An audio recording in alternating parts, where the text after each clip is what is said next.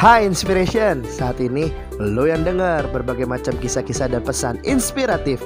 Tapi nanti lo yang harus menginspirasi. Berikutnya.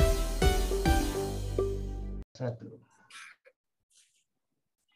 Hai Inspiration, ketemu lagi bersama dengan gue Alvin Kurniawan. Dan hari ini ada seorang pester yang sangat luar biasa Yang teman-teman juga pasti kenal dan sudah sering dengar pesan-pesannya yang luar biasa Hari ini bersama dengan gue, Pester Christopher Tapeheru. Hai, halo, halo. Halo, Pester Alvin. Apa kabar? Sehat, bro. Puji Tuhan. Sehat ya, puji Tuhan. So, hari ini kita mau ngobrol-ngobrol bareng sama Kak Kristo nih, gitu ya. Yang pasti teman-teman udah sering banget denger pesan-pesannya di Instagram, di TikTok, di YouTube, gitu ya. Banyak lah pokoknya. Menghiasi. Gue gak punya TikTok. Padahal nggak punya TikTok Padahal ya? gue gak punya, iya.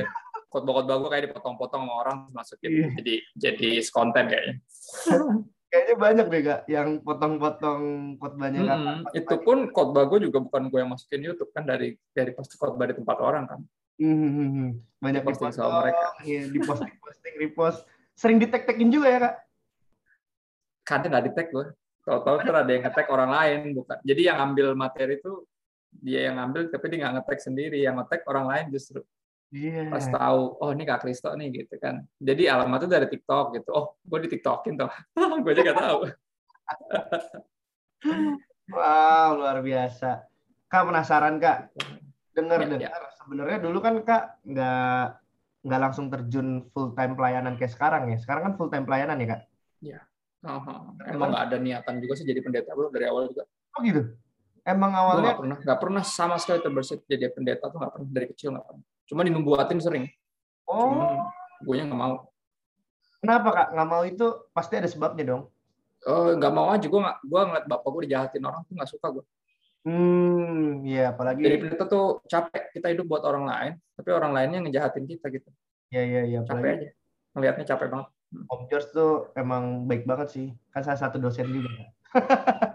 Gue ngeliat dia digituin jadi malas gue pikir ah gue jadi pengusaha aja lah kalau macam-macam sama gue tinggal gue sewa preman kan beres. Kalau pendeta nggak boleh balas sekarang malah kejadiannya terbalik ya. malah jadi pendeta. Iya elah. Aduh. itu sih. Apa yang membuat Kak Kristo akhirnya memutuskan untuk menjadi seorang pendeta? gua itu pas pertama perjumpaan sama Tuhan di tahun 2008 tuh oh gue jadi suka banget firman Tuhan. Hmm, gue jadi rindu mengenal Tuhan dan ya tentu lewat baca Alkitab dari situ gue jatuh cinta sama Tuhan dan gue pengen banget memperkenalkan dia ke orang-orang gitu. Hmm. nah dari situ bikin Bible study dari empat orang terus berkembang berkembang tiga setengah tahun tuh kalau ngumpul. Teman ngajak teman tuh bisa 200-an orang. Wow. dan itu di luar program karena gue tinggal di pastori gereja gue yang lama jadi pakai tempat ya hitung-hitung sebelum tidur lah ya pulang kantor Hmm. ngumpulin anak-anak gitu buat gue bagiin apa yang gue dapat aja dari dari baca kitab gitu nah dari situ long story short ya lu tau lah kalau udah ketemu jiwa-jiwa lu akan jatuh cinta sama mereka juga Ya ya ya ya. karena kan isi hati Tuhan kan jiwa-jiwa ya Ya ya ya. ya. jadi nah itu tuh itu yang akhirnya apa ya sepanjang gua ngantor juga di kan gua kerja sekuler kan sepanjang enam tahun kerja sekuler itu pun juga eh, drive gue dorongan gue lebih ke ministry sih, akhirnya Tuh. karena tadi jiwa-jiwa itu Ya ya ya. Jadi selama ngantor pun Hmm. pasti otaknya juga mikirin pelayanan juga ya. Kepecah. gue buru-buru kerja kelarin deadline tuh buat bikin khotbah bikin materi pengajaran bikin bahan retret yang gitu-gitu Oh, otak gue lebih ke situ mantap mantap. Berarti mulai sering khotbahnya itu tahun 2008 ke atas dong nggak? gue gue bikin Bible study 2009 bertobatnya kan Oktober 2008 Wih, inget ya. Eh, 2009 awal kayak Mei gitu gue bikin Bible study dari situ terus ngajar underground kan kadang Hmm. ada rock race kadang ada komsel orang ada PD kantor kadang itu pun juga masih belum ada sih sebenarnya sampai 2010 tuh baru ada mimbar pertama Oh. gantiin orang gue jadi gue bikin bikin komsel di rumah bikin bikin Bible study di gereja kan rumah gue Karawaci kan Ya. gue seminggu sekali pulang ke rumah kan karena Hmm. tadi tidur di pastori di Jakarta tapi seminggu sekali pulang nah pas pulang tuh gue bikinin komsel buat adik-adik gue teman-temannya gitu. Oh. jadi dari situ temennya ada yang gerejanya tiba-tiba anak youth itu pembicaranya nggak bisa mendadak Oh gitu. terus dia nanya sama adik gua yang kan jadi beberapa orang ikut komsel di rumahnya gua kan Ya, di ya. bareng adik-adik gua nah temennya jadi nanya kak eh eh, Dri gue denger kakak lu suka khotbah-khotbah gitu ya katanya bisa nggak ya gantiin pembicara Oh. Jadi itu pertama tuh gue gantiin orang tahun 2010. Nah dari situ baru mulai ada pelayanan-pelayanan di luar, red-red gitu ya. Tapi masih ngantor Oh gitu, masih dari kerja. situ. Mm. Mulai full time. Jadi serep bro. Awalnya dari serep Full ya.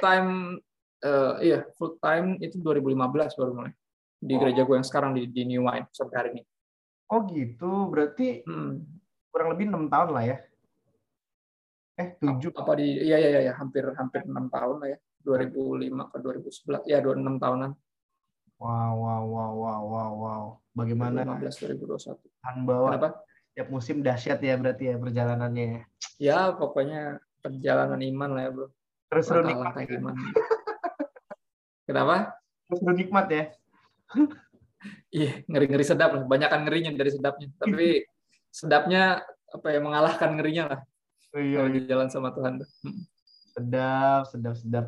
So, gue mau bahas sebuah tema kak sama kak Kristo Ya. nih. Karena kan kak Kristo juga terkenal dengan pendeta yang masuk banget nih di kalangan milenial dan generasi Z mungkin ya. Karena pesan-pesannya Ya. juga nyampe ke anak-anak zaman zaman now gitu ya kalau bisa dipakai bahasa ya. Kira-kira menurut kak Kristo apa yang menyebabkan hal itu terjadi kak?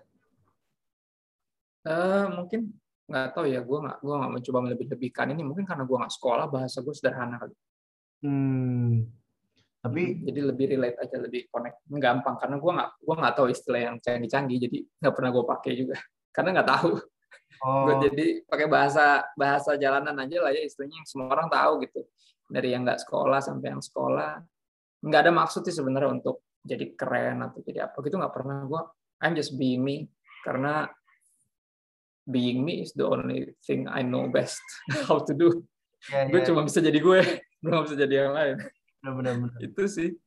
Jadi orang lain juga capek ya. Kalau jadi diri sendiri kan. satu capek terus nggak bisa pula gitu ujung-ujungnya jadi fake kan fake itu satu melelahkan dua itu juga bikin orang jadi malas dengerin kita kayak "Ini orang panik sih kenapa Iya. sih ini orang gitu kan Benar, benar, benar, benar, benar. malah dicurigai jadinya malah nggak bisa dipercaya kan kalau orang fake tuh kan Iya, iya. itu sih bro jadi ya gitulah sebenarnya cuma jadi diri sendiri aja sih nggak pernah maksud Jadi diri sendiri. Iya, iya, iya. Nah, gue mau tanya nih kak. Zaman sekarang Ya. kan banyak anak-anak muda nih selalu identikan dengan gini. Gereja harus relevan dong. Gereja harus sesuai dengan zaman Ya. dong. Gereja harus bisa ngelihat dong perkembangan pertumbuhan zaman. Gereja jangan kaku. Bahkan ada sering ma- banget DM masuk nih ke gue juga gitu ya. Meskipun gue nggak terkenal terkenal banget lah gitu ya. Tapi ada DM DM masuk juga nih yang suka nanyain gini. Kak, Yoi. bagaimana sih seharusnya respon kita terhadap gereja yang tidak mau eh, bertumbuh mengikuti perkembangan ya, zaman perkembangan zaman misalkan terlalu Hmm. kaku terlalu banyak wah pokoknya ini nggak boleh itu nggak boleh aturan ini aturan itu gitu nah menurut kak Kristo sendiri dengan keadaan hal itu gimana kak Eh, buat gua kita mesti beresin dulu kata relevan relevan tuh bukan tentang jadi keren hmm. relevan itu tentang jadi nyambung sebenarnya. Hmm. Karena kalau lu renungin ya, kalau kita renungin jujur, kita belajar, kita ba- baca-baca gitu ya, kayak misalnya Fox Book of Martyr gitu ya. Hmm. Kita kan baca kisah-kisah penginjil gitu ya, mungkin dari Inggris pindah ke India gitu kan, yang jauh banget budayanya, terus dari eh, Amerika Serikat pindah ke Papua misalnya kayak Don Richardson gitu kan, dia kan belajar culture, belajar bahasanya, terus hampir jadi kayak orang situ gitu kan. Tujuannya apa buat menginjil? Itu kan relevan sebenarnya Hmm, hmm, hmm. Ya kan? Dia jadi seperti mereka gitu. Nah eh, relevan itu patut digarisin bahwa itu bukan tentang jadi keren. Hmm. karena tentang jadi nyambung. Karena kalau nyambung baru bisa dibagiin tuh. Injil. Injil kan berita ya. Ya. jadi sebagai penginjil tuh harus belajar bahasanya dan harus mendalami culture-nya. Hmm. gitu sehingga dia bisa relate bisa nyambung gitu. Eh gue kalau ngomongin relevan pasti ingat Paulus ya 1 Korintus 9 Ya. 19 sampai 27 tuh tuh ayat-ayat powerful banget tuh. Paulus ngomong gue buat kita baca dulu kali ya. Boleh boleh boleh.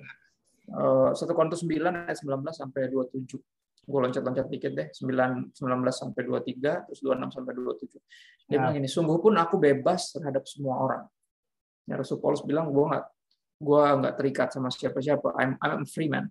Aku hmm. menjadikan diriku hamba dari semua orang.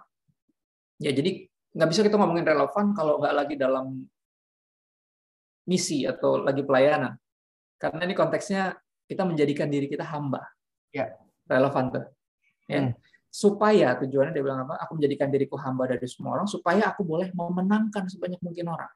Lihat. Jadi relevan tuh nggak bisa diomongin kalau kita nggak on mission. Hmm. Ya, mesti on mission dulu. Tujuannya mesti jelas nih. Tujuannya hmm. nih memenangkan sebanyak mungkin orang nih. Ya hmm. Ya kan? Demikianlah bagi orang Yahudi aku jadi seperti orang Yahudi supaya aku memenangkan orang-orang Yahudi. Bagi orang-orang yang hidup di bawah hukum Taurat aku jadi seperti orang yang hidup di bawah hukum Taurat. Sekalipun aku sendiri tidak hidup di bawah hukum Taurat, Ya. Tujuannya apa? Supaya aku dapat memenangkan mereka yang hidup di bawah hukum Taurat. Ya. Bagi orang-orang yang tidak hidup di bawah hukum Taurat, aku menjadi seperti orang yang tidak hidup di bawah hukum Taurat. Sekalipun aku tidak hidup di luar hukum Allah. Karena aku hidup di bawah hukum Kristus. Tujuannya apa? Supaya aku dapat memenangkan mereka yang tidak hidup di bawah hukum Taurat. Ya, lanjut kayak dua-dua. Eh, bagi orang-orang yang lemah, aku menjadi seperti orang yang lemah. Tujuannya supaya aku dapat menyelamatkan mereka yang lemah. Ya. Bagi semua orang, ini dia relevan. Bagi semua orang, aku telah menjadi segala-galanya. Gue jadi siapa aja buat siapa aja, kan gitu saudara gitu ya. Ya, ya, ya. Supaya aku sedapat mungkin memenangkan beberapa orang dari antara mereka. Jadi harus dipegang juga kita nggak akan bisa memenangkan semua orang. Hmm. Betul betul. Kita mesti terima itu akan ada yang terima, akan ada yang kena, akan ada yang nolak dan nggak nyambung. Ya. ya. Makanya dia bilang, dia bilang buat semua orang gue jadi segala-galanya supaya gue dapat memenangkan beberapa dari antara mereka. Right? Istilahnya nggak ada tuh upaya untuk untuk mencapai semua tuh nggak akan nggak akan kesampaian. Nah, narik segala sesuatu ini aku lakukan karena Injil supaya hmm. aku mendapat bagian dalamnya.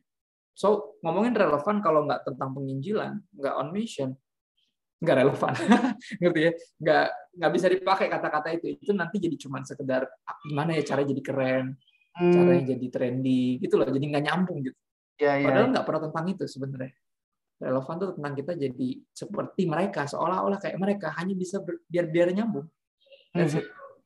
itu dong sih uh, pastor cuman kan bicara tentang seolah-olah jadi mereka kan kadang jadi rancu nih kak ya kan yep. misalkan contoh yep kalau Yesus, makanya kita sering banget lihat ya, Yesus ya itu relevan mungkin ya.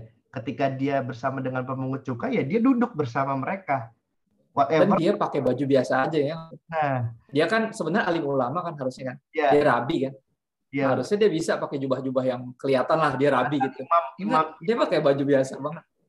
Dia pakai ya. baju biasa, jadi dia bisa gaul sama siapa aja karena orang nggak insecure kalau deket dia. Dia bener-bener orang biasa banget gitu itu yang yang kita harus belajar dari Yesus. Maksudnya nilainya nggak kompromi, tapi orangnya hangat. Hmm. Orangnya itu nyambung sama semua orang gitu. Nggak terganggu sama pendosa, nggak terganggu sama pengungut cukai, pelacur, nggak terganggu. Ya, ya, ya. Dia benar-benar bisa bisa baur, bisa ngobrol, dan itu yang yang yang kerap kali kalau kita agak antisosial secara rohani ya, kita jadinya sibuk mengkritisi budaya bukannya malah sibuk masuk ke situ biar bisa ngobrol gitu. Ya, Jadi ya. kita sibuk menghakimi dibanding mengasihi kan gitu. Itu yang cukup sedih sih sebenarnya. Iya benar-benar benar. Tadi lanjut Gue nangkap banget apa tadi Kak Kristo ada ngomong uh, Yesus nyambung tapi nilainya nggak kompromi. Wah itu, itu sih sedap ya. Nilainya nggak kompromi meskipun dia nyambung sama mereka. Nah ya. kalau bisa ditarik garis nih dengan gereja zaman hmm. sekarang nih kayak ya. Contoh lah, ya, nggak usah ya. ngomong gereja lain, gereja gua aja deh, biar gampang. Ya. Kan kita gereja nih berusaha se apa ya? Kayak tadi gue bilang ya, se nyambung mungkin dengan generasi zaman sekarang. Otomatis kalau bicara nyambung mungkin, kita juga melihat perkembangan budaya. Contoh misalkan fashion. Zaman sekarang anak muda kalau gua datang ke gereja pakai jas, pakai baju putih, pakai dasi panjang gede gitu ya dan gue salamin di depan pintu gereja dan gue bilang shalom selamat datang di Favor of God silakan beribadah. Itu kan kayak sesuatu yang apaan sih nih ini gereja isinya anak muda semua tapi kok gini ya gitu kan? Tapi agak jaka sembung naik ojek ya nggak Iya. nyambung jack. Agak saltum ya saltum. Benar-benar tapi banyak juga yang gue dapat respon yang kayak gue nih contoh ya contoh ya. Ini terlepas dari benar atau salah mungkin bagi banyak orang ya. Gue kalau berjalan kudus kak gue nggak pakai jas loh nggak pakai jas nggak pakai kemeja. Oh eh gue tapi pakai kemeja sih pakai kemeja. Maksudnya baju berkerah lah. Hmm. tidaknya kalau nggak ada outer misalkan jaket atau apa. Tapi nggak pakai fashion yang pendeta banget lah. Makanya kalau orang lihat Yoi. lihat nggak nggak tahu ini pendeta apa bukan ya. Kayaknya bukan dah gitu kan. Apalagi lihat gua ya. Aduh. Udah mana begini ya kan. Bajunya juga cuek-cuek amat gitu. Orang nggak nyangka. Iya. berapa kali kan kalau nganterin gue gitu kan eh, kalau mau pelayanan gitu kan ke bandara gitu Hmm. yang yang apa ojek online selalu nanya mau ke mana mas? Gitu. Oh mau ke sini keluar kota. Ah, ada keperluan apa? Anak band ya misalnya Iya, bukan sebenarnya Iya, pendeta. fisik ya. dikira pasti anak band Hah, pendeta? Waduh kok pendeta? Muda-muda gini pendeta? Terus kok kayaknya gini mas? Kata. Selalu gue gue selalu di nggak nyangka lah orang lihat gue apa ya domba berbulu serigala. Kalau gue bilang gitu ya Istilah gitu Hmm. nah itu bisa dibilang relevan atau bagaimana kak? Itu salah satu upaya sih menurut gue untuk kita ya jangan terlalu gimana gimana banget lah. Misalnya gini anggap gue pakai jas deh. Iya. tapi bawahnya pasti gue jeans. Hmm. kecuali gue emang diminta di satu gereja yang emang emang udah ada dress code-nya sendiri. Karena kan nggak semua gereja pakai dress code. Ada juga yang udah jelas bilang ah pendeta kalau bisa pakai jas sama celana bahan. Oke saya gue hormatin karena gue kan di situ untuk melayani kan ya benar, benar. bukan untuk sakarepe sakarepe gue gitu. Ini kan kayak Rasul Paulus bilang gue jadi hamba buat Hmm. buat apa jadi hamba buat semua orang kan gitu istilahnya gitu ya. Tapi kalau gue dibebasin dan gue nanya biasanya gue selalu nanya ada dress code nggak? Kalau Hmm. dibebasin misalnya kan kalau gue pelayanan ke daerah pasti kan ibadah umum juga ibadah youth juga biasanya ya. Ya ya jadinya gitu tuh pas youth gue pakai kaos terus sweater nanti tinggal bawa jas tinggal pas umum gue pakai celana yang kemarin yang yang di youth tapi pakai jas. That's it. Sesederhana itu sebenarnya. Jadi eh, satu gue nggak bawa banyak baju. Ya ya kadang gue kadang di juga gue gue bener-bener pakai kaos aja. Jadi Hmm. tuh jas gue pakai sekalian buat jaket di di apa di pesawat gitu ya. Gue Hmm. pakai buat jadi kalau kedinginan pokoknya gue pakai buat sama bawa khotbah jadi gue nggak bawa macam-macam lah iya gue bawa tas kecil lah kalau kalau pelayanan tuh selalu gitu gue. Karena buat gue harusnya yang undang tuh juga fleksibel ya biar nggak ribet itu gue juga bagasinya nggak lama terus Hmm. nggak makan tempat nggak makan biaya juga gitu kan. Ya ya jadi kalau bisa fleksibel gitu asik sih. Tapi beberapa yang benar-benar kasih strict itu ya gue bawa ke meja. Hmm. gitu-gitu sih paling kan gue kita atur lah gimana ya caranya. Ya benar. Buat gue dress code itu salah satu yang upaya kita yang minimal ya untuk jadi relevan. Karena Iya. paling nggak at least stylenya agak-agak nyamper lah agak walaupun nggak sama ya mungkin tapi agak bisa nyambung gitu loh nggak nggak aneh gitu nggak tiba-tiba kayak uh uh hambanya gitu kan nggak nggak tiba-tiba kayak gitu. Jadi kan Rasul Paulus bilang gitu kan dia Iya. jadi seperti. Ya ya. Seolah-olah kayak ini begitu padahal enggak gitu. Jadi Hmm. buat gue salah satu yang paling gampang untuk jadi relevan itu yang pertama ya tampilan. Hmm. itu itu pertama. Itu yang bikin kita nggak langsung ditolak karena kalau tampilannya udah aneh sendiri langsung ah iya iya. Setan udah gitu ya maksudnya yang gitu. Udah jadi ada- ya kayak gini misalnya contoh. Ini kan ini kan kaos kaos Yesus. Iya iya iya. Tulisannya The Sermon kan. Cuman orang kalau lihat ini wah band setan nih pasti. Band setan. Baca dulu nih apaan tulisannya kan. Ya. Jadi ini kan cara buat jadi relevan. Terus kayak ini misalnya gue pakai wah hip hop ya. Pasti bling bling nih. Padahal ininya gambarnya Alkitab ya kan? Sedap. Ini kan, ini kan dari dari akun Kristen juga kan yang biasa yang jual-jual aksesoris gitu kan. Iya iya iya. Akhirnya ya kayak gini misalnya topi ini kan merek terkenal merek sekuler. Cuman kata-katanya bisa gue pakai. OB kan? Artinya taat nah yang gini-gini buat gue gak paling gampang itu upaya relevan tuh sebenarnya dari dari penampilan sebenarnya. Iya iya dari situ gitu. Cuman ya gue sih nggak percaya kita harus bablas-bablas banget ya. Iya, ada beberapa orang yang benar-benar bablas banget sampai potongan penuh gitu kan. Kayak sini sini buat buat gue ya ampun lu mau ke mana? Gitu maksudnya. Kecuali targetinnya emang culture yang itu subculture yang tato. Kan buat gue gue kan desainer grafis ya. Kan Hmm. gue ngerti ya subculture dan segala macam. Cuman ketika lo masuk ke subculture itu ya berarti lo harus berdedikasi di situ. Siap-siap ditolak sama yang lain gitu ya. Apalagi gereja-gereja kan umumnya kan kolot ya rata-rata ya. Iya ya, ya, kalau ngeliat gitu langsung jadi kalau lu emang mau menjangkaunya yang itu spesifik ya nggak apa-apa. Sekalian gitu ya. Ya nggak benar. apa-apa tapi kalau akhirnya ntar lu bikin begitu lu mau bilang mau jangkau yang itu akhirnya lu jadi nggak diundang di sana sini gereja mana-mana gara-gara lu begitu ya itu gara-gara lu sendiri lah Ya, ya, ya, ya. ya kan Benar-benar. Iya. gue gue gue orangnya gue buat gue tato itu seni gue seneng gue dari dulu pengen bikin cuman pas gue ngobrol sama nyokap gitu ya semi semi berdebat akhirnya gue sadar ya udahlah nggak penting lah daripada gue ribut sama nyokap gue kan gitu Hmm. ya kan udahlah tapi gue bersyukur makanya sampai hari ini walaupun gue sukanya musik metal gitu kan yang yang orang yang mungkin kayak kayak oh, pendeta kok selera musiknya gini gitu. atau Wah, apa gue suka kayak kayak yang kayak gini tapi gue tetap bisa di tempat yang lain juga bisa bisa nggak nggak ngerti kan nggak nggak nggak terhalang untuk beritain kebenaran gitu jadi buat gue ya kita bijak-bijak aja sih ya benar-benar. lihat juga yang kita mau mau yang mau kita jangkau yang mana gitu Vin. kalau Hmm. menurut gue ya Iya, sih. Jadi Gini ya, kalau di di belahan dunia mana pun lah sama ya, masih ada yang namanya etika mungkin kali ya kak. Nah kita kadang mesti- bener larinya ke sana ya Iya. almarhum bokap kan emang dosen etika juga ya dia benar-benar. selalu bilang pokoknya biarin kamu tuh diterima atau ditolak karena pesan yang kamu bawa bukan karena pembawaan kamu dia bilang. Gitu ya. Wow. Dan sampai orang nggak mau dengerin Injil cuma gara-gara baju lo. Gitu. Iya, Sayang kata bapak, iya juga sih pak. Benar. Ya? Jadi gue selalu cari cara gimana bisa balance lah. Iya, bisa balance. benar-benar benar. Hmm, Itu Gua aja nih, kayak-. Pengen loh ke depan kalau makin berkembang ya gereja nih punya fashion stylist sendiri, Iya. pastornya. Jadi kita ada fashion stylist. Wah itu pengen banget nanti ke depannya. Bahkan pengen bikin ibadah itu subuh kak. Ah, tengah malam gitu. Subuh. Sabtu menjelang Minggu jam 12 malam ke jam 1 dini hari. Gokil. Jadi musik Pada kuat nggak tuh? full EDM EDM gitu. Iya, ini- musiknya enak pas khotbah pada tidur bro. Masalahnya khotbah di prime time aja pada suka ketiduran ya kan kalau kita kelamaan. kan. Ya. Kebayang kalau malam kan, waduh, Iya, udah iya. pasti udah beler tuh. Kan nggak lucu ya. Padahal kan yang kita paling pengen nyampein itu kan pesan. kan. Iya, bener. Ya musik tuh EDM itu kan intronya biar bisa masuk mereka biar dapat wah asik nih asik nih. Iya, iya. Baru udah udah nyambung kita sikat. Karena emang itu tujuannya kan. Belajar culture, belajar bah- bahasa ketika udah nyambung Injil diberitakan. Injil Iya. kan berita soalnya. Bener. Ya kan berita mesti dibicarakan dengan bahasa yang nyambung, yang Ya. dimengerti.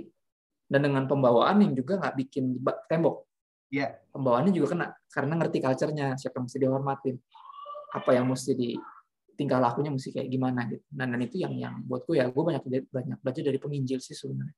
Iya, iya, iya. Penginjil-penginjil yang ke daerah gitu yang yang wah bener-bener yang ke suku yang mana gitu. Wah, unik-unik, Bro. Kalau lihat foto mereka tuh Iya, kayak iya. misalnya Hudson Taylor nih. belajarin Hudson Taylor budaya-budaya sampai Iya kan? budaya Hmm. mereka segala macam. Iya, bener-bener jadi wow, gokil banget yang pelayanan ke China tuh yang orang Inggris atau orang Amerika. Hmm, hmm, Uh, dia punya ministry team tuh pure bener-bener bener-bener kayer orang Chinese semua. Rambutnya putih panjang-panjang padahal orang bule. hmm. Jadi kalau lihat dari jauh tuh pas fotonya tuh loh, ini ini orang bule tuh orang. Jadi kayak ini banget berbaur banget gitu sama culture gitu. Iya, Itu yang keren banget sih. Jadi buat gua apa ya? Ya itu relevan sebenarnya. Bukan jadi keren, tapi jadi nyambung. jadi That's it. nyambung. Poinnya itu ya. Bukan jadi keren. Iya, mesti. Selama ini orang berusaha untuk jadi keren. Jadi keren. Itu Iya. dia. Padahal, Kayak misalnya gini ya, karena fashion itu kan muter ya. ya betul. Fashion muter dan orang kan selera. Misalnya satu gaya tertentu mungkin trendy di masa kini, tapi tahun depan bisa jadi dengan nyambung. Jangan nyambung. Iya betul. Jadi gimana? Ya udah, gue selalu coba sebisa mungkin gini, gue kan akan ketemu style di mana gue nyaman gitu ya. Ya betul. Di mana gue nyaman. Jadi misalnya anggap gini, band apa yang lagi disukai anak-anak sekarang misalnya. Ya gue tinggal pakai kaosnya aja yang tulisan band itu. Hmm. Gue nggak harus pakai gaya seperti itu. Kayak misalnya gini, tampang kayak gue, kalau dipaksain gaya-gaya K-pop, nggak nyambung gue. Ya kan, mukanya aja begini, gimana? Mau K-pop, ngerti nggak maksudnya? Cuman at least, gue misalnya pakai merchandise-nya, eh, siapa yang yang yang ngetren tuh terakhir misalnya si siapa ya kita misalnya BTS Army misalnya gue jadi semacam kayak gitu gitu kan. Itu kan jadi nyambung ya sama anak-anak? Wah kak wah kak Kristo dengerin ini juga misalnya atau Bieber misalnya. Oh kak Kristo beli Bieber juga. Ya enggak sih gue cuma suka aja dengerin. Tapi dari situ tuh jembatan. Hmm. artinya mereka menyadari bahwa oh kak Kristo ini orang biasa berarti ya, Iya, berarti ketika dia bagiin sesuatu nih bukan sesuatu yang dilebay-lebaykan tapi ini kebenaran Hmm. Jadi penting banget kita harus ngerti bahwa ya yang kita bawa tuh berita. Ya, Jadi ya. bahasanya harus nyambung. Pembawaan kita juga jangan menjadi batu sandungan dalam artian karena kalau kita baca Yesus ya Yesus tuh benar-benar diterima di semua kalangan. Iya, iya, iya betul. Unik ya. Padahal dia orangnya jadi dirinya sendiri aja, maksudnya bukan yang gimana-gimana gitu. Itu sih yang, yang kita mesti benar-benar Dia nggak diterima ya, resapi bang. Kalangan yang sirik-sirik aja sama dia ya. itu karena sirik kan, bukan karena pembawaannya. Dia orangnya biasa aja kan sebenarnya. Sirik. Ya, ya. Nah, ya. berarti kan jelas ya, jadi nyambung bukan jadi keren. Supaya kita nggak ada gap dengan orang-orang uh, yang mau kita layani. Nah, sering kali gapnya itu kan justru membuat pesan firman Tuhan tuh nggak nyampe ke mereka karena Betul. mereka ngeliat kita aja udah ada jarak kan. Wih, kayaknya beda ya, kayaknya ini ya gitu kan. Makanya udah buat mereka udah segan dulu tak apa udah pasang tembok lah ibaratnya. Bener, udah segan duluan gitu loh kayak. Padahal belum tentu, padahal bisa jadi kita orangnya asik. Cuman kan dari tampilannya udah kayak langsung aduh hmm. garing nih pasti nih gitu. Ya. Padahal belum tentu kan pas ngomong oh asik ternyata gitu. Tapi emang apa ya, gue dilema juga berapa kali gue selalu bilang sama berapa orang kan nanya gimana sih caranya jadi kayak gitu relevan. Kalau relevan artinya keren, gue nggak saranin. Hmm. Karena kalau emang itu bukan lu, lu coba pakai baju itu, lu pasti nggak nyaman sendiri. Orang juga ngeliatnya nggak nyaman. Kayak, udahlah om gitu kan gitu ya. Maksudnya, yeah, yeah. tau kan beberapa orang tuh kan iya, nggak ketika dia sok, jadi sok keren tuh nggak aneh gitu. Iya iya. Tapi yeah. kalau dia emang orangnya seperti itu, nggak masalah. Gitu. Iya iya iya. Ya, ketika ketika dia jadi sok keren atau sok lucu gitu misal gue ya misal contoh ya gue denger dulu di youth gue gitu kan zaman gue masih youth. Gue uh, gue denger temen bokap gue gitu kan murid bokap gue tuh coba jadi lucu gitu. Lalu orangnya tuh nggak terlalu humoris gitu. Ya. jadi karena di youth dia pikir ah biar nggak ngantuk nih dikasih jokes kan. Tapi jadi receh bro. Kasihan gitu. Jadinya kita ngetawainnya bukan ngetawain karena lucu jokesnya kita ngetawain karena dia tuh jayus. Iya, jadi habis gitu. itu dia yang gue bilang, itu upaya relevan yang tidak perlu. Iya, iya. Nanti kalau lu humoris, just be who you are. Kalau lu serius, nggak apa-apa. Gitu yeah. loh. Tapi yang penting jangan jadi orang lain, karena itu pasti kelihatan hmm. sama orang. Ih, hmm. trying so hard banget nih kayaknya pendeta deh kasih. Benar-benar. gitu ya. Iya, iya. Itu sih paling kalau gue bilang sih, kalau nggak nyaman, janganlah ngapain sih maksa-maksa gitu. Mungkin mungkin ini banyak yang dengar juga banyak yang bercita-cita jadi pendeta juga nih kak, yang berkhotbah dan lain-lain dan mungkin salah satu role modelnya kan lu nih kak. Wih, kayak kak Kristo asik nih pesan-pesannya juga uh, tajam gitu kan. Dan akhirnya mereka ya nggak jadi diri sendiri, udah gaya gaya ngomong lo diikuti di mimbar, hmm. uh, ucapan-ucapan yang misalkan contoh slang-slang bahasa slang-slangnya juga mungkin diikutin gitu kan. Jadinya iya, malah ya, ya. jadi kayak nggak pas gitu kan jadi kayak ini kayak dipaksakan malah berasa kan justru ya Benar, karena dia pikir oh nih jadi kayak gini nih yang efektif nih sekarang ya belum tentu hmm. lu tuh hmm. paling efektif lu paling powerful tuh pas lu jadi diri lu sendiri sebenarnya itu yang gue dapati sebenarnya ya, makanya orang-orang kayak gue almarhum Pastor Adit gitu kan kita kan hmm. bisa connect kenapa karena kita jadi diri kita sendiri kayak bukan jadi orang yang lain jadi di atas mimbar sama pas lagi makan bakmi bareng itu orang yang sama Iya. ya kan? Itu kan sebenarnya bikin mereka lebih bisa relate karena ini orang nih nggak dua dunia gitu loh. Ya, ya, di mimbar tiba-tiba saudara. Gitu. Pas lagi di pas lagi makan bakmi nyablak ternyata orangnya. Ya kan ngerti nggak maksudnya? Iya, iya, iya. Samain aja udah jadi diri lu sendiri tuh paling enak sebenarnya. Dan itu yang yang apa yang mesti dihindari adalah kita mau jadi kayak orang lain. Yes. Salah. Hmm. Rasul Paulus kalau kita baca ayat yang tadi, dia justru mau jadi kayak semua orang. Hmm. Gue lagi mau jangkau siapa nih? Mau jadi kayak mereka. Hmm. Bukan jadi kayak pendeta idola gue. Oh nih, Kristo banyak follower, aku ah, jadi kayak dia ah lah. gue aja lagi lagi coba jadi kayak Yesus, lu malah mau jadi kayak gue. Gimana sih? Mesti kita semua mengejar keserupaan sama Yesus. Ya, Gimana ya. caranya bisa nyambung gitu. Sampai disebut friend of sinners gitu sama yang sirik ya. ya Karena orangnya tuh baur banget gitu. Gue ya, bener-bener apa ya, gue ya itulah kita masih mengejar PR itu ya. Kadang ada satu orang yang tersandung sama gaya gaya berpakaian kita, kita langsung galau. Ya kan? Kalau cuma satu, 99 nya nyambung. Satu nah. orang nggak suka, karena pendeta kok gini. Nah, kita nggak usah dengerin yang satu lah. Ya, ya. Kita kan mau menjangkau sebanyak mungkin orang. Hmm. Yang adalah Rasul Paulus bilang tadi, sebagian. Hmm. Bakal ada yang nggak bisa juga, nggak apa-apa. Jadi kita apa nah relevan jebakannya suka gini, ah Pastor Alvin, kita itu berupaya untuk menyenangkan semua orang Orang. dan berupaya untuk diterima. Yes. Ini yang bisa bikin orang tuh bablas. Ya, betul, betul. Ya, pengen diterima itu loh. Karena diterima itu itu sesuatu yang ke, ke- kebutuhan daging to be accepted. Hmm. Jadi ketika target lu relevan tuh buat diterima, pas lu diterima, wah lu udah lupa tuh tugas lu apa. iya. Udah terlalu asik karena udah seneng, weh gue diterima lo, gitu, udah seneng. ya, nyaman. Seolah itu tujuannya kan. Padahal kan Hmm. bukan. benar, benar, benar. Tujuannya adalah connect. Pas connect dia bisa masukin firman gitu. Tapi karena udah kesenangan diterima, akhirnya sibuk di penerimaan gitu. Hmm. Euforianya di situ, akhirnya asik, akhirnya apa? Kegiring deh. Bukannya berdampak malah terkena dampak. Ya kan? Hmm. Gitu yang gue perhatiin sih kerap kali ya dari banyak hamba apa sih beberapa hamba-hamba Tuhan idola yang akhirnya jatuh gitu ya. Hmm. Kan kita lihat mereka nih tadinya tuh wah relevan banget, paling kekinian, paling gokil. Tapi lama-lama ya gitu, Bawah ya. asik sendiri, asik sendiri ya. Lupa tujuannya. Lupa akhirnya tujuan utamanya dia di situ tuh apa sih? Mau ngapain sih? Itu sih Bang. Kak, kalau kita lihat Ya. dari sejarah gereja ya, kan Mhm. pasti Kak Kristo juga ada baca-baca lah gitu ya. Belajar betul. Oh. Baca-baca sejarah gereja. Justru ya, zaman dulu tren itu ngikutin gereja, bener gak sih? Exactly. Dimulai dari percetakan Alkitab kan, mesin cetak pertama keluar, buku yang dicetak Alkitab. Nah, Iya kan? Justru kita yang paling trendy dulu. Musik Iya. nyontek ke gereja justru. iya, musik, Mulai dari situ. iya, awal pak musik Aneh ya. ada di gereja justru kan. Kok sepanjang sejarah malah kita yang jadi ngikutin dunia, bukan Nah. jadi dunia yang ngikutin kita. Nah, Something's wrong kan? iya betul. Ngerti ya maksudnya?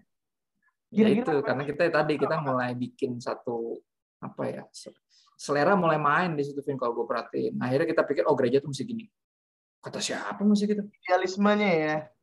Nah itu idealisme main, akhirnya jadi kocak. Dunianya berkembang, kitanya udah enggak, kita stuck di situ. Malah ketinggalan. Benar, terlalu mungkin karena Hmm. budaya yang dibangun gereja-gereja dulu, gereja harusnya Mengkristal bro. iya benar. Hmm, Ya, udah mengkristal. ah. Akhirnya benar, benar, benar. Dan ada satu pola nih yang efektif di zaman tertentu. Hmm, Zaman berikutnya coba balik ke zaman itu lah, ya nggak nyambung lah. makanya. Malah jadi ketinggalan. Akhirnya bayangin hampir di setiap dari mulai tahun 60-an gitu ya zaman TV ya. Hmm. Dulu kan TV kan dimusuhin kan, dibilangnya kotak setan. Hmm. Demon Box tahun 60 tuh. Terus eh, 80-an mulai drum. Drum katanya dari setan. Gitu. Ya kan? Terus musik rock juga musik setan. Terus eh, mulai zaman-zaman Pokemon katanya setan. Ya kan? Ah. Terus pokoknya jadi semuanya kita setan-setanin. Akhirnya gini, lu gimana caranya mau ngejangkau budaya yang lu setan-setanin? Yes, betul. Ya, kalau Yesus kayak gitu pernah ngebayang nggak? Wah, lu pelacur setan. Mau cukai setan. Siapa yang dia jangkau kalau kayak gitu? benar. Nggak ada. Makanya kita kerap kali harus ingetin diri kita. Bukan orang sehat yang butuh tabib, orang sakit. Ya, betul Ya, sekali. jadi jangan jangan kita musuh kita nggak bisa mengasihi yang kita musuhi. Hmm. Itu loh.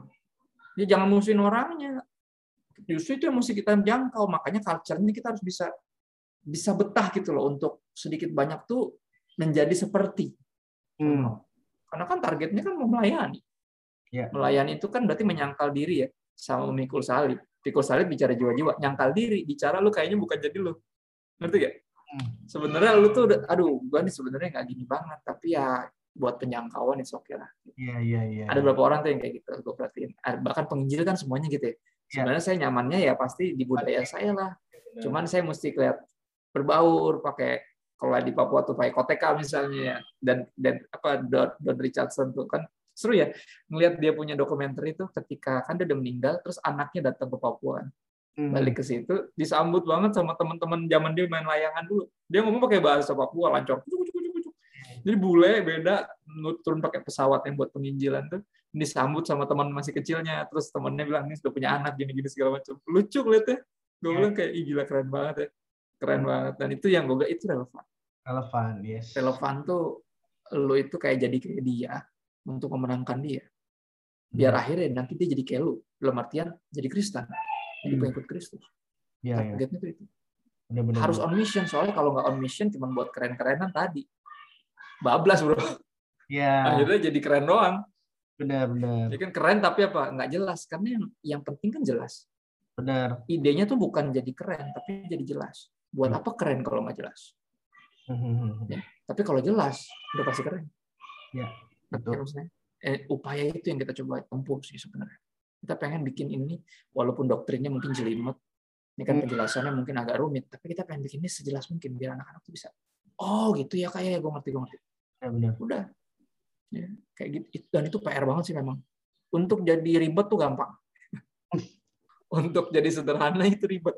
Iya betul. betul. ya. Kita, kita tahu ya, pendeta ngerti lah pasti. Ya, itu mau menyederhanakan doktrin yang jelimet ini gimana ya caranya biar anak-anaknya bisa nangkep gitu. Gitu. Tapi itu tugas penginjil memang. Ya, yeah. tugas sama Tuhan pemberita firman ya emang kita sederhanain lah biar orang tuh bisa relate dan percaya yes. sehingga bisa diselamatkan kan gitu. Ya. Iya, gue sih juga sama sih mungkin kayak lu sih kak konsepnya bahwa gereja tuh seharusnya sederhana supaya setiap orang tuh bisa dengan mudah ya. Bisa nyambung. Iya masuk ke gereja, nyambung. Yesus dan sebagainya. Tapi sering kali kan gereja ribet dengan berbagai macam atribut lah apa segala macam ya.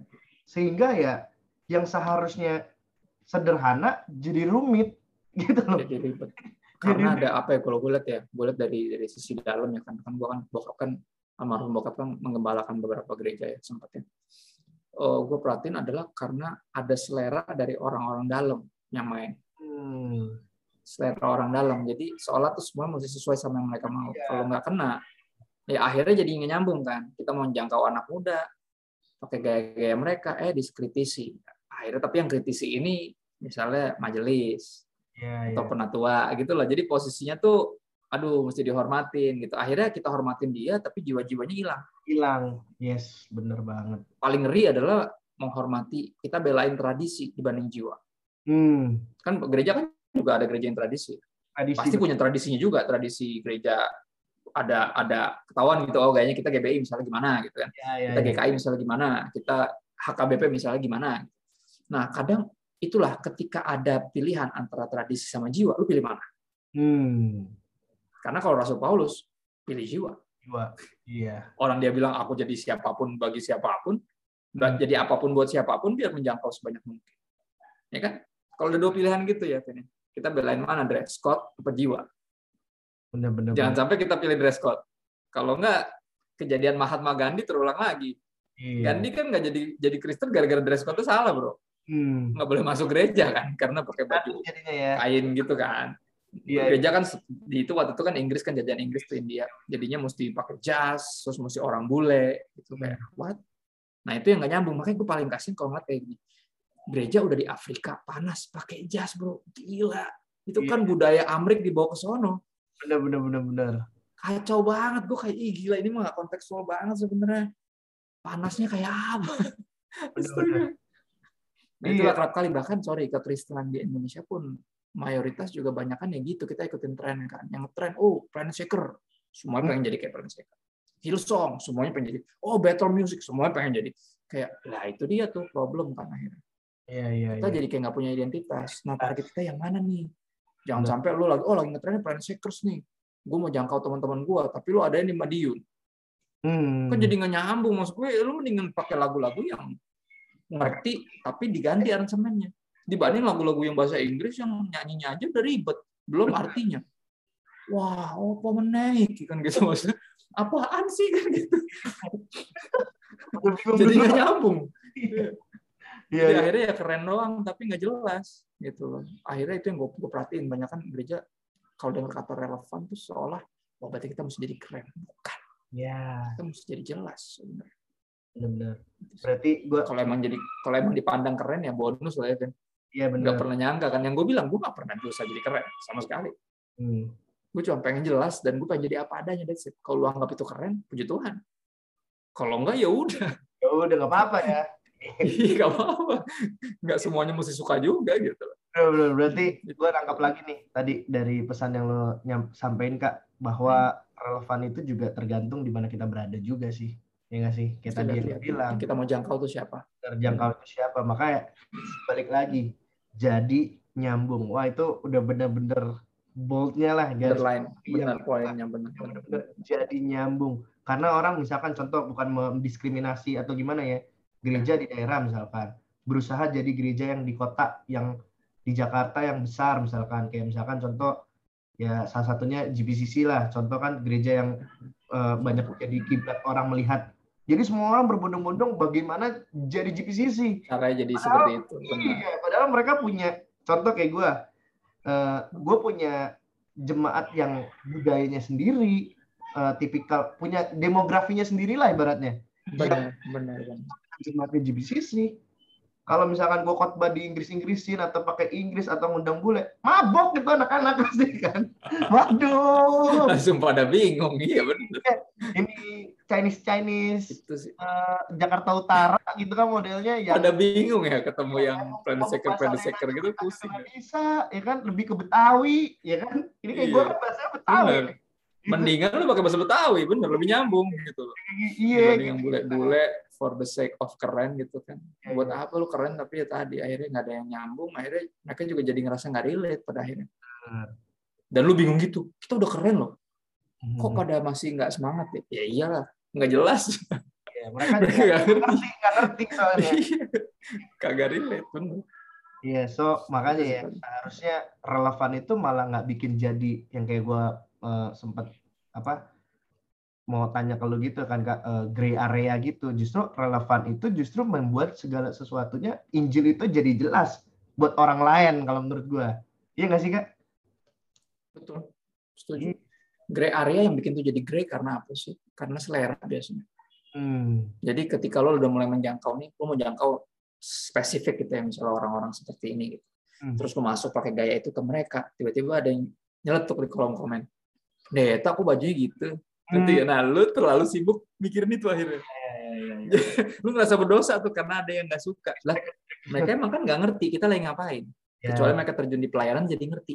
Oh, pantesan Kak Kristo bajunya gini. Ternyata emang ini teman-temannya yang mau dijangkau yang gini biar biar nggak ada gap. Nah, makanya biasanya yang banyak komen biasanya nggak lagi pelayanan, Bro. Hmm. Kalau gue perhatiin. Nganggur. Karena kalau yang sama-sama lagi pelayanan itu kayak gini lah, kayak pembantu nih misalnya yang punya waktu ngegosip biasanya nganggur kan? Iya iya benar-benar. Ngerti ya? ya Kalau ya. lagi dua-duanya kerja kan nggak sempet ngegosip, lagi kerja gitu. Iya. Terus nggak bisa komen kayak, lu kok meres jemurannya gitu sih? Salah tuh. Ya, yang penting kering, bener gak? Benar, Dia lagi juga kalau lagi sibuk meres jemuran juga nggak akan komen cara meres orang lain. Iya iya iya. Betul betul. Setiap kali kita tuh yang paling banyak komen biasanya yang nggak turun di pertandingan biasanya. Hmm. Komentator kan lebih jago dari yang main bola, bener gak? Iya benar. Dan itu yang gue bilang, wah kurang cermat bung, lu kira cerdas cermat, kurang cermat. Coba lu main bisa nggak? Yeah. cermat, kurang cermat, kurang cermat. Nah buat gue bikin rasanya jadi grey karena tadi ketika ada yang komen-komen kita mulai galau. Oh jangan-jangan gue bablas nih, hmm. gitu loh. Ya, ya, Padahal ya. gini, jujur yang akan pertama ingatin kita kalau kita bablas itu Roh Kudus. Ya sama kita punya inner circle misalnya keluarga kita atau kalau udah menikah tuh istri atau suami misalnya. Ya, orang -orang. dia akan lihat dia akan kasih tahu kita beb kayaknya nggak usah gitu-gitu banget deh. Hmm. ngerti ya? Nah itu tuh itu orang-orang kita harus dengerin tuh. Orang-orang yang benar-benar tahu hati kita ya tahu kenapa kita melakukan ini kenapa pakai baju itu kenapa dengerin musik ini kenapa ngerti ya? Dia tuh tahu banget kenapa tapi kalau kita udah mulai bablas nah mereka yang paling nggak tuh kayak eh nggak usah gitu maksudnya. Nggak usah gitu-gitu banget mereka juga udah nyambung. Oh ya thank you thank you nah itu yang yang di ayat terakhir tadi tuh ayat 26 nya tuh uh, tadi kan gue cuma baca sampai ayat 2 ya. berapa sih dua ya dua tiga dua empat lah ya ada dua tiga ya ini dua dua enamnya bagus nih dia bilang um, sebab itu aku tidak berlari tanpa tujuan ya. ya jadi semua yang Rasul Paulus lakukan ini penuh strategi Hmm. Ya, itu tadi yang kita omongin ya, upaya jadi relevan tuh harus penuh strategi. Ya. Tujuannya harus jelas.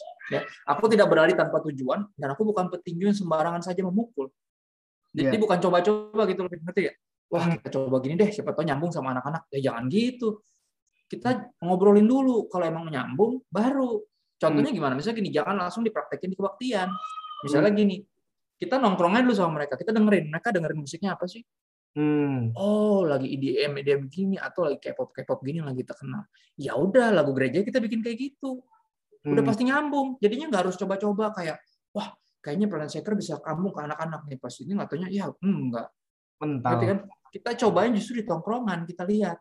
Kita amati, oh ini nyambung. Ya udah, kita bikin. Misalnya zaman dulu eh, ada tahun di mana tahun 99 2000 tuh genre musik yang terkenal tuh ska namanya. Hmm, musik ska. Ya. Nah, di era itu makanya ada lagu-lagu yang lagu-lagu apa lagu pressure worship yang ska tuh. Oh. Ya kan? Udah kan lagu-lagu yang gitu kan. Deng, deng, deng, deng, deng, deng. Kenapa? Karena itu mau coba nyambungin ke situ biar lagunya rohani tapi musiknya sesuai anak-anak waktu itu. Hmm. Tapi kan nggak bisa dipakai terus. Kadang ada momen di mana udah kayak udah lewat. Nah, Betul. jadi jangan sampai coba-coba kebaktian tuh. Enggak. Kita lihat mana yang mereka nyambung. Hmm. Kita sesuaiin tuh lihat message-nya sama, istilahnya dalamnya sama, nggak berubah. Bungkusnya yang dirubah. Ya. ya? Packagingnya, istilahnya kalau orang bilang konten sama kontainer. Ya, ya, Kontennya nggak ya. boleh berubah, harus Injil, ya uh, kekristenan yang sejati gitu. Tapi bungkusnya, kontainernya fleksibel. Ya. Gitu. Nah itu, itu dia yang buat gue harus diperhatiin banget sih. Harus dibilang lagi kan, tetapi aku melatih tubuhku dan menguasainya seluruhnya. Hmm. Lihat, kuncinya di mana kalau jadi lagi mau coba upaya relevan jadi harus bisa menguasai diri. Ya. Harus tahu kapan kapan mesti stop gitu, jangan ke bawah untuk ngerti kan? Kalau nggak kita nggak jangkau siapa-siapa. Kalau kita jangkau kan bawa mereka keluar. Hmm. Kita masuk tuh biar kita bisa pegang tangan mereka dan kita tarik keluar. Ya. Ya kan? Ya, ya. Bukan ya. kita jadi jadi lanjut ke sono gitu loh. Nah itu makanya kunci tuh aku melatih tubuhku dan menguasainya seluruhnya. Ya, supaya ya. sesudah memberitakan Injil kepada orang lain, jangan aku sendiri ditolak. Hmm. Jangan sampai gue nginjilin orang, mereka udah ketangkep, eh gue malah kegeret sama budayanya sono.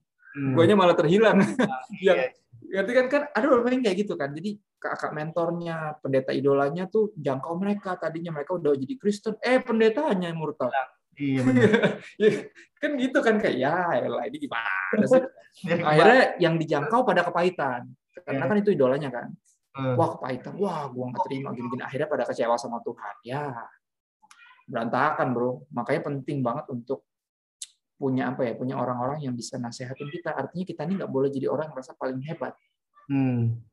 Mesti kita tuh mesti ada orang yang kita dengerin.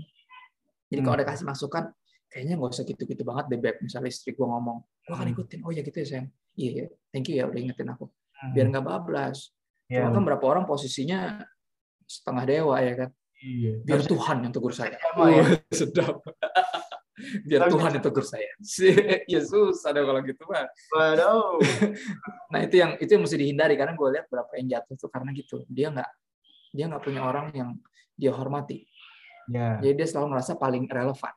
Hmm. Nanti kayak jadi ketika dapat kritikan tuh selalu di ah lu tahu apa? Yang gitu lu tahu apa? Nah yang ini jadi pelajaran berharga karena gue juga punya punya kecenderungan gitu ya. Gue karena punya selera sendiri juga ya jadi gue pikir kayak ah lu tahu apa gitu ada mental gitu tapi ya um, itu yang Rasul Paulus bilang jauhilah nafsu orang muda hmm.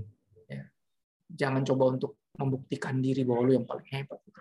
ya. justru harus apa kejarlah ibadah kesetiaan itu bersama-sama gitu. Hmm. Kita mesti punya teman-teman sepelayanan yang yang mereka ketika kasih nasihat seperti teman yang nasihatin teman, jadi kita bisa dengerin gitu. Kita posisinya nggak yang menjulang tinggi di atas sebagai apa kuncen gitu ya kuncen toko masyarakat gitu ya nggak bisa ditegur gitu nah eh. itu kunci banget sih untuk tetap bisa ditegur ya walaupun um, lagi di atas angin gitu iya. dan gue gue jujur gue bukan nggak bisa ditegur, tapi gue akan pilih siapa yang punya hak buat negur gue. Yes, Karena kalau orang cuma nyeletuk-nyeletuk, hmm. nggak hmm. tahu konteks apa yang gue lakukan, gue nggak bakal dengerin. Betul, betul, betul. Karena percuma, dia juga nggak ngerti gue lagi berusaha yeah. ngapain, siapa yang lagi gue coba jangkau.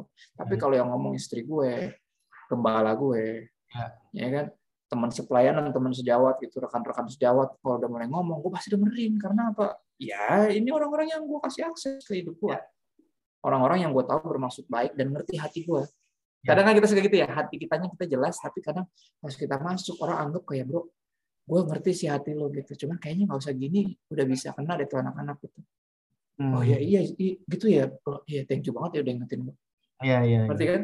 Iya iya. Hmm, kadang orang suka manfaatin gitu ngandelin kayak ah dia nggak tahu hati gue gitu. ya nggak juga dia tahu hati lo cuman dia tahu dulu udah mulai bablas nih ya, makanya ya. dia ngomong ya kan cobalah jangan-jangan anti betul, anti betul. kritik lah kritik yang bangun ya bukan kritik yang merusak itu sih paling sedap terakhir kak sebelum kita sudah ya. ini kak Ya. Uh, ada nggak hal yang masih mau lo sampaikan sebagai pesan penutup di podcast ini kak?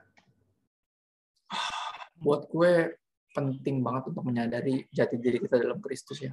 Hmm. Jadi kita nggak perlu kehilangan karena kerap kali dalam upaya jadi relevan kita suka menyangkali kan, menyangkal diri kita kan. Akhirnya jati dirinya juga hilang. Hmm. Jangan sampai. Jadi jangan jati diri kita ditaruh di penerimaan orang gitu. Pada akhirnya jati diri kita tuh mesti secure di penerimaan Kristus kepada kita. Gitu. Jadi kita nggak terjebak tuh. Ketika nggak diterima, nggak jadi ilfil, ya kan jadi mundur dari pelayanan. Ketika yeah. ditolak atau ketika diterima juga jangan jadi bablas gitu. Jadi keasikan sendiri. Jadi buat gue tetap mesti ingat kita ini penginjil. Yes. Ya basically tugas kita tuh menginjil.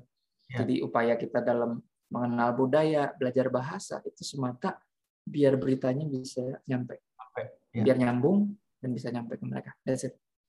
Ya, itu sih paling. Oh, aja. Mantap. Thank you banget Kak buat kesempatannya udah sharing di podcast inspirasi dan yang pastinya juga teman-teman terberkati banget sama obrolan sore kita ini. Kita teke sore soalnya. obrolan sore hari ini. Thank you, thanks for having me. Senang banget. Thank you banget buat semua yang sudah mendengarkan dan thank you banget buat Pastor Christopher Tabeheru. God bless you guys. God bless you.